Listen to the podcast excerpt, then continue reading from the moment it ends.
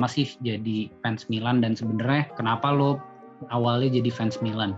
Iya, eh, nama gue Paco.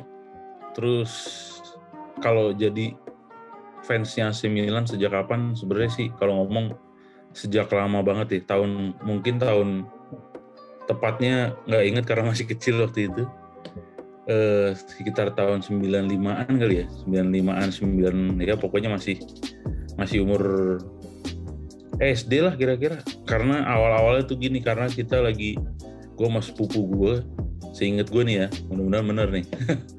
Kita lagi main kayak main bola-bolaan gitu. Nah nama yang mencuat pada saat itu kan Van Basten. Yang terlagi terkenal tuh Van Basten, Ruud Gullit gitu-gitu sama uh, Donadoni entah kenapa Donadoni mungkin namanya aneh aneh kali ya buat orang Indonesia Donadoni gitu. Sementara yang unik Doni mungkin terus Costa Curta gitu Maldini Baresi gitu-gitu ya udah. Lama-lama tuh awalnya lah walaupun belum seneng banget ya istilahnya belum begitu paham lah masih kecil. Sampai semakin ke sini ngelihat ya makin semakin besar ngelihat perkembangan klub-klub bola yang lain yang si Milan nih menarik selain sejarahnya juga apa namanya ya bagus lah ya secara sejarah tapi ya warna baju juga ngaruh. Seneng gue yang hitam merah gitu kan. Terus eh, entah kenapa kayak kayak ada ikatan khusus lah kalau ngeliat si AC Milan ini. Gitu jadi ya udah tiba-tiba seneng aja gitu. Dan berlanjut sampai sekarang sampai tua. Ya ya ya. Pokoknya nanti setiap gua kasih pertanyaan gua nggak akan kayak terlalu motong ya jadi biar lo cerita aja dulu ya, ya. gitu uh, oke okay. ini kan sebenarnya berarti lo ya emang beneran udah udah udah cukup lama gitu ya uh, hmm. suka sama Milan nah di masa-masa Benter era setelah 2010 uh, eh, yang bikin lo masih tetap bertahan untuk bela Milan tuh sebenarnya apa cow? Maksudnya karena gini, kalau di sekitar gue tuh banyak orang yang akhirnya kayak beralih lah gitu. Ya hmm. paling gampang sebenarnya kita bisa lihat kayak kayak Andre tiba-tiba jadi sukanya AS Roma gitu. Karena dia oh, kalau gitu. uh, kalau dia dia bilangnya karena dia ah capek gue lihat ini gini gini mulu gitu. Nah maksudnya nggak cuman gitu tapi kayak gue juga lihat banyak temen gue yang beralih juga nih waktu SMP sukanya apa tiba-tiba gue ketemu lagi pas gue kuliah pas sudah kerja itu udah ganti gitu. Itu apa sih sebenarnya yang bikin lo tetap bertahan gitu? Karena uh, ya buat gue pribadi sih sebagai fans bola apalagi dulu lumayan ibaratnya mungkin kalau kita pas masih muda kan agak fanatik lah ya gitu. Uh, terus kan jadi jalanin masa-masa yang kayak berat banget nih gitu. Sampai akhirnya bisa berkembang lagi gitu bisa pelan-pelan jadi naik lagi. Apa sih yang bikin lo nggak beralih 10 tahun 11 tahun ini Eh, banter era tuh emang berat ya buat terutama pasti buat semua fans Milan sih. Karena otomatis setiap tahun kita berharap gitu di masa itu seperti zamannya dulu lagi paling nggak terakhir zaman zamannya ya katakanlah masih ada Pato, masih ada uh, Nesta, masih ada siapalah yang yang karakternya mungkin kuat segala macam. Tapi entah kenapa kan banyak apa ya banyak perubahannya bisa dibilang signifikan ya buat tim sekelas Milan dalam tanda petik sekelas gitu kan. Sampai punya pemain yang bisa dibilang siapa ya ini? gitu. Katakanlah siapa Kevin Konstan eh, Kuco gitu kan yang Jurat Kucka gitu kan. Itu siapa gitu kalau orang bisa bilang. Itu ya tapi entah kenapa karena memang lebih ke dasarnya si AC Milan ini kalau yang gue tangkap ya secara pribadi ya uh, unsur ada unsur kekeluargaan gitu loh yang yang erat banget gitu. Contohnya ya dicontohin dari si Maldini sendiri gitu kan dan di di gue nggak tahu di tim lain ya tapi di Milan ini kan udah mengistirahatkan dua nomor istilahnya dan nomor itu nomor kecil yang penting kan sebenarnya satu nomor tiga buat klannya Maldini, satu lagi nomor 6 buat si Baresi gitu kan. Dan dua-duanya posisinya kebetulan back gitu. Unik lah istilahnya yang jadi salah satu yang disimpan tuh nomor-nomor yang lumayan penting dan posisinya ya walaupun mungkin orang-orang anggapnya main bola tuh untapanya striker kali ya. Tapi karena gue senang main bola dan menjalaninya menurut gue peran penting tuh selain striker ada justru ada di back. Gitu karena kalau uh, backnya itu nggak padu percuma tuh satu ke depan tuh hancur lah. Apa kalau striker nggak bagus istilahnya masih mending lah tinggal sekali nggak sengaja nggolin kayak zamannya Inzaghi gitu kan. Udah pasti dia dicap atau palingnya jadi man of the match dia. Gitu kan. Terus kenapa juga nggak itu ya karena mungkin tadi uh, udah dari kecil pahamnya itu melihat ya nggak nggak bisa dipungkiri tim-tim lain juga bagus kan istilahnya. Pemain-pemainnya juga apa ya tahun segitu tuh ya banyak banget pemain bintang apalagi zamannya era emasnya Barcelona kali ya. Kalau nonton tuh kayak sirkus gitu kan. Kayak enteng banget gitu loh. Tapi pada saat Barcelona kalah sama sama AC Milan yang Pato ngajak lari. Yang dari tengah itu waduh itu kayak senengnya beda. Sampai kakak yang bikin Henze sama Evra tabrakan. Gitu kan ada tadi gue pada ada apa ada hubungan khusus gitu loh dengan klub AC Milan ini gitu yang yang nyebabin kayak ya ngapain nih kayak apa ya mirip kayak ya idealisme yang mirip kayak dibilang agama lah. Bisa dibilang jarang kali ya orang lain tapi orang yang uh, senang suatu klub bola pindah kecuali dia nggak gitu paham-paham amat klub yang dibelanya gitu gitu. Bukan berarti paham kayak apal historinya bukan tapi emang klub itu tuh gimana sih gitu. Gitu kan kayak katakanlah selain kalau Milan kan kayak gitu mengutamakan banyak apa ya unsur apa namanya kayak tadi kekeluargaan gitu ya. Terus kayak eh, misalnya Barca gitu. Barca dari dulu tuh khas identik dengan tanpa tanpa apa namanya hmm, sponsor gitu kan kenapa dia tanpa sponsor? Sampai akhirnya sponsor pertama bahkan bukan sponsor dia mensponsori gitu kan. Masang UNICEF di situ gitu.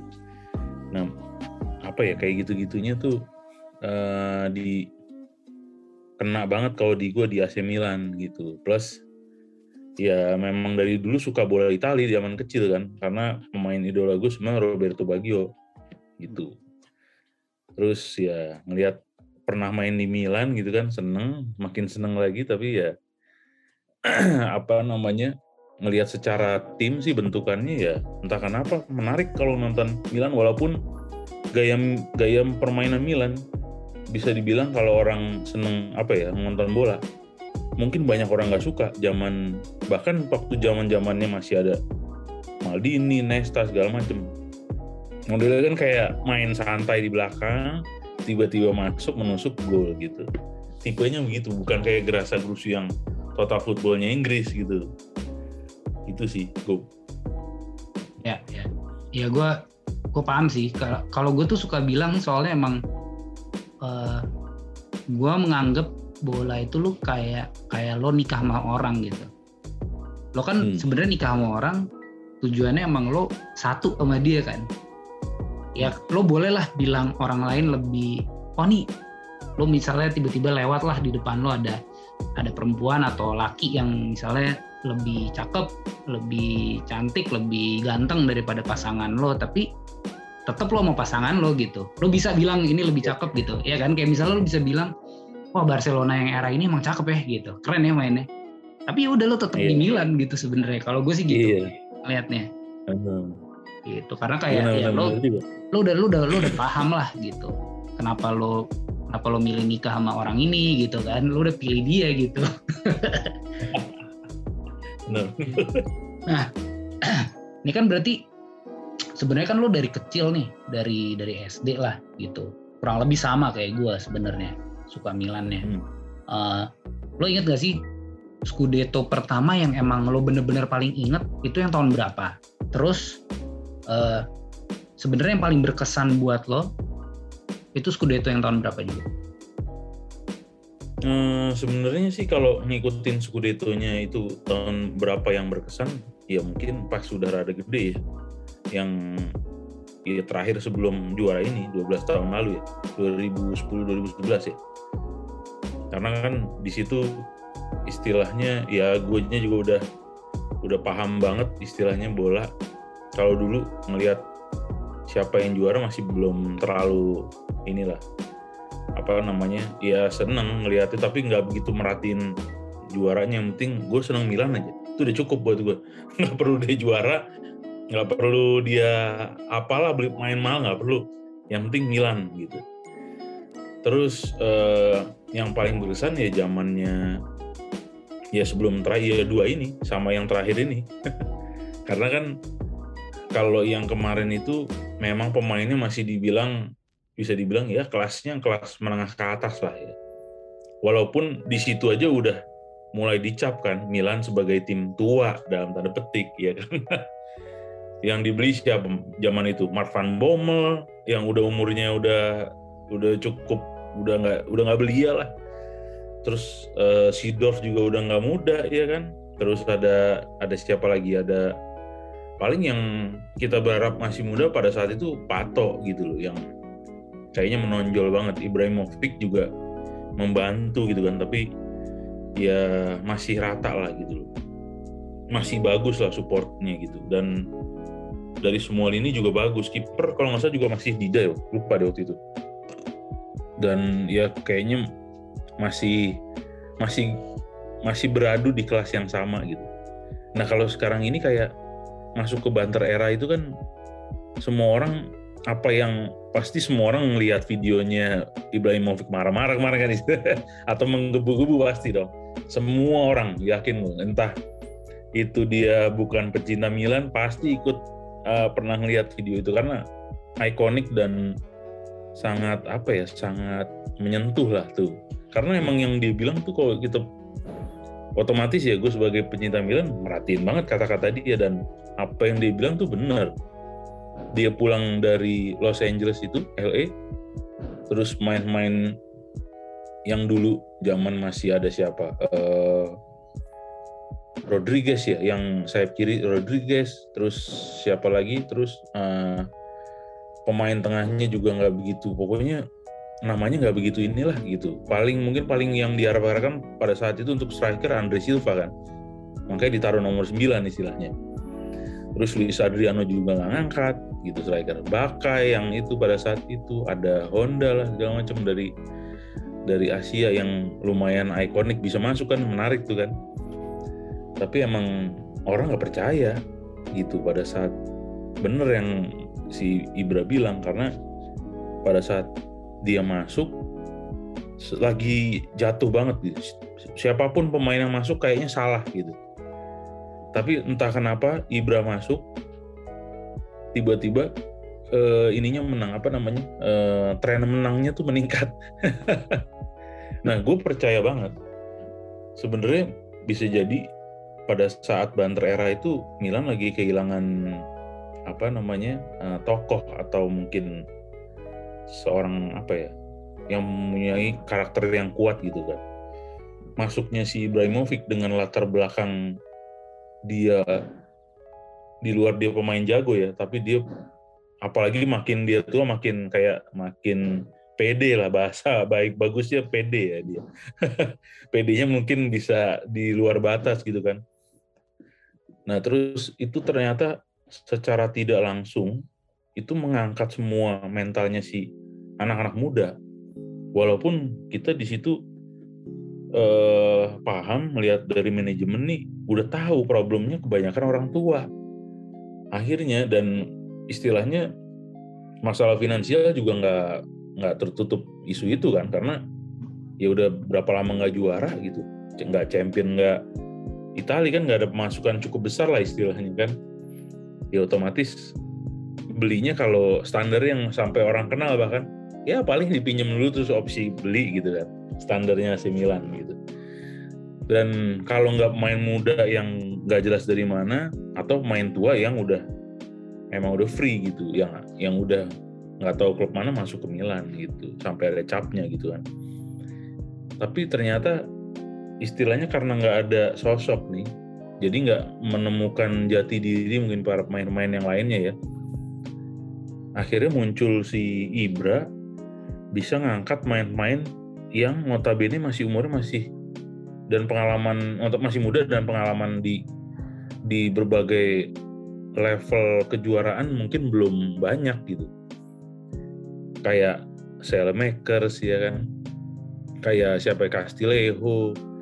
Itu kan pasti belum pernah ngerasain gemerlapnya Liga Champion lah istilahnya makanya kemarin pas Milan masuk Liga Champion itu kan salah satu kayak apa ya wah Milan masih ada nih yang udah dicap sebagai mediocre bahkan sebelumnya kan itu masih bisa masuk champion cuma di champion ya nggak bisa jauh-jauh amat kan. Karena gampang banget dikalahin memang.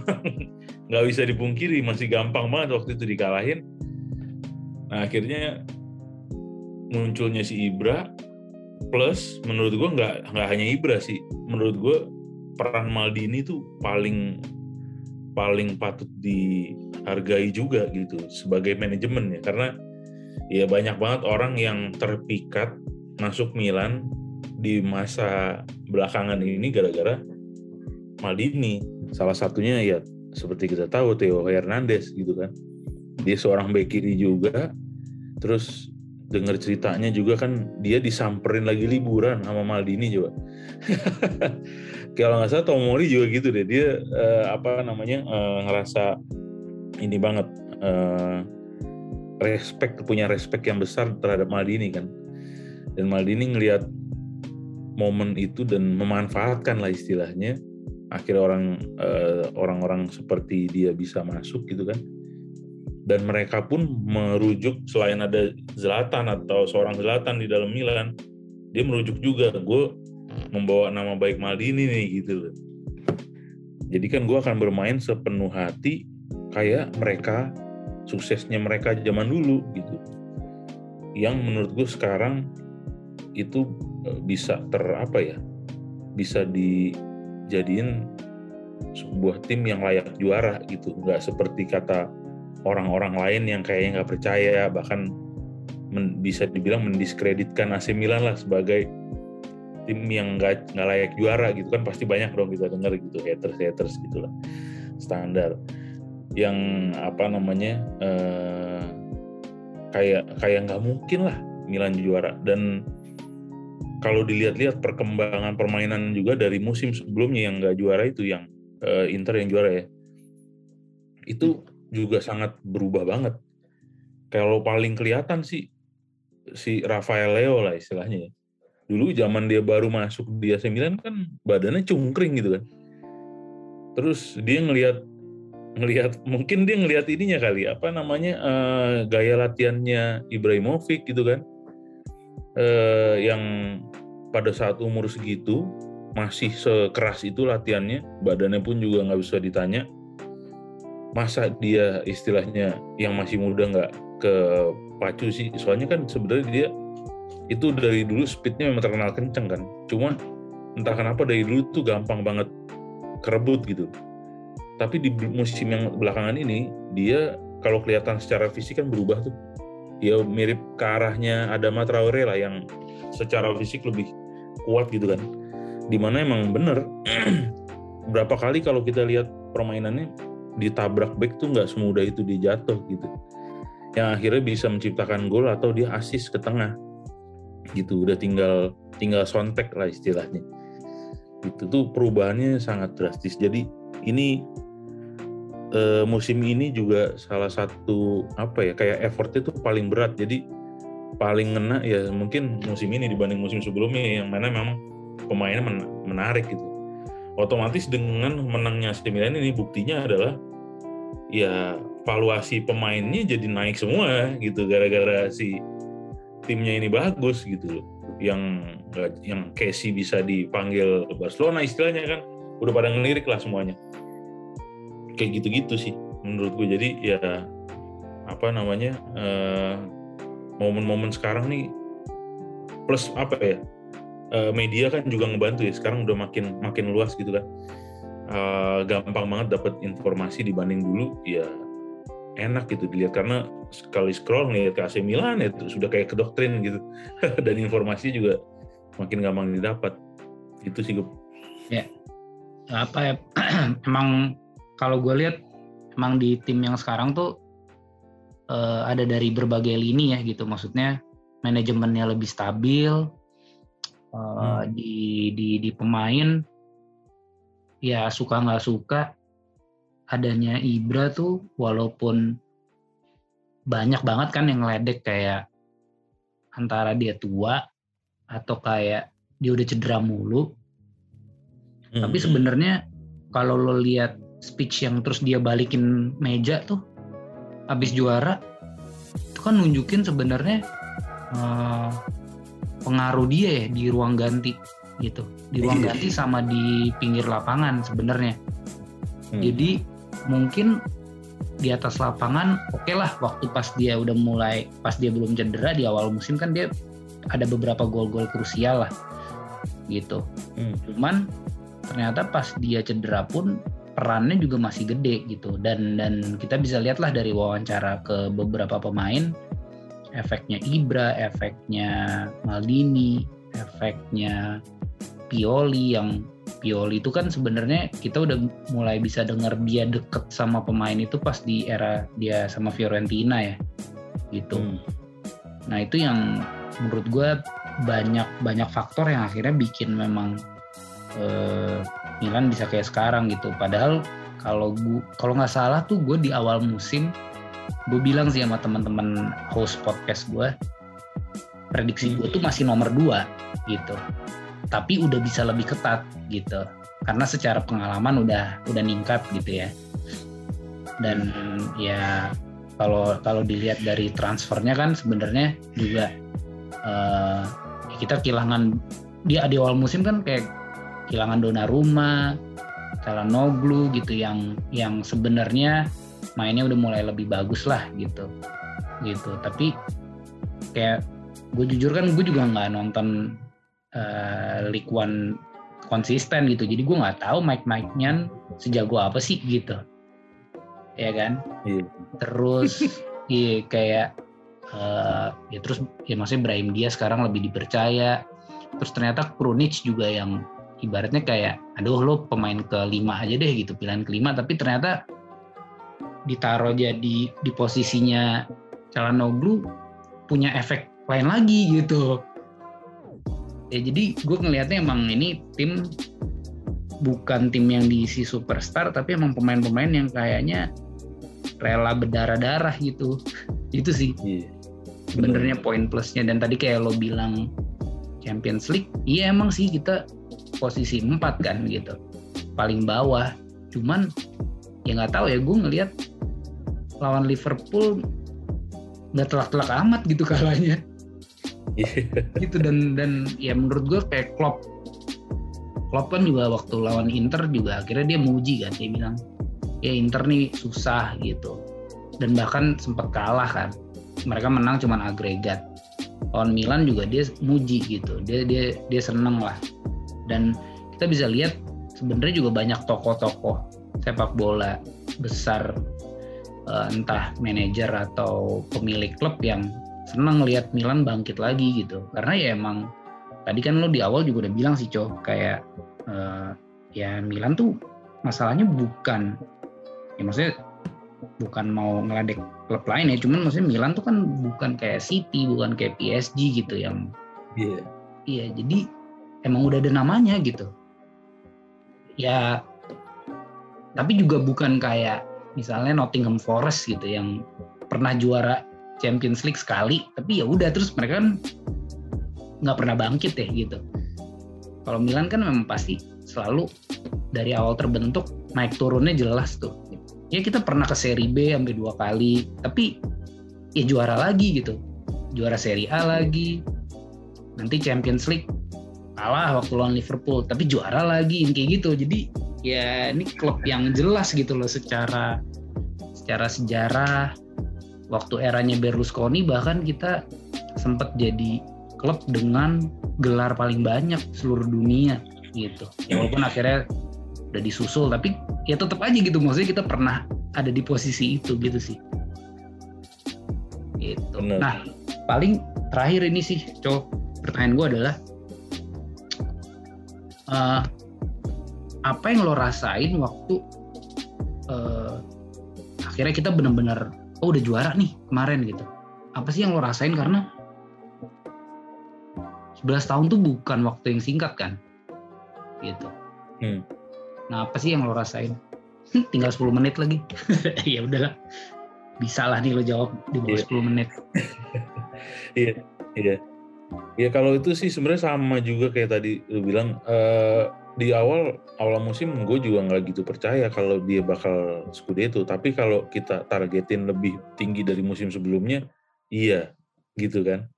Ekspektasi lebih tinggi di musim ini iya. Tapi tetap nggak ada nggak ada kayak apa namanya greget udah pasti juara gitu. Nggak ke sejumawa itu nggak. Karena ya udah pernah di momen itu kan yang di beberapa musim lalu gitu kan kita istilahnya Milan di urutan satu dari sampai tengah musim ya kalau nggak salah. Akhirnya kebalap gitu kan. Nah itu kayak uh, apa? Nggak mungkin lah istilahnya gitu. Tapi ya balik lagi tiba-tiba tanpa apa ya e, bener tadi lu bilang kehilangnya banyak pemain terutama kayak mungkin dona rumah kali ya. Orang bilang sayang nih kita bisa sampai kulangan eh kehilangan eh, kiper sebagus dia gitu kan karena disinyalir memang dia nanti calon kiper utama masa depan Italia pengganti Buffon lah istilahnya. Sebenarnya kan Italia punya banyak pemain, cuma dia paling menonjol karena memang ya nggak bisa dipungkiri banyak banget save-save gemilangnya dia di Milan kan gitu. Tapi makanya kehilangan dia tuh kayak ya orang kecewa lah gitu, kecewa besar karena salah satu harapan ya nama besar ada di Donnarumma nih gitu. Dan dengan hilangnya Donnarumma terus abis itu pemain yang dibeli juga nggak begitu wah kan? Ya apa namanya udah masuk ke Liga Champion pula jadi ya harapannya udah naik gitu kan?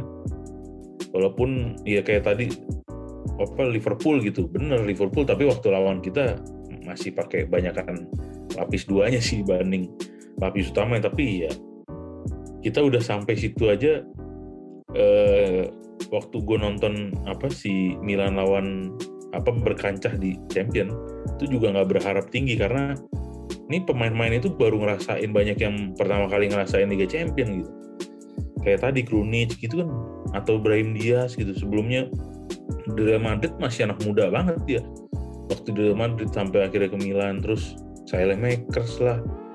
Liao terus si siapa Benacer sampai uh, Kalulu yang istilahnya beneran anak kecil lah ya gitu yang ditempel sama Tomori yang Tomori juga umurnya nggak tua-tua amat kan gitu. Pengalamannya juga nggak ini kedatangan kiper dari Prancis yang notabene pemenang Liga Prancis yang sebenarnya unik juga sih itu kan tim unik ya apa eh, di saat PSG lagi bergelimang apa eh, pemain bintang tim itu bisa menang Nah, salah satu pemainnya masuk Milan nih gitu.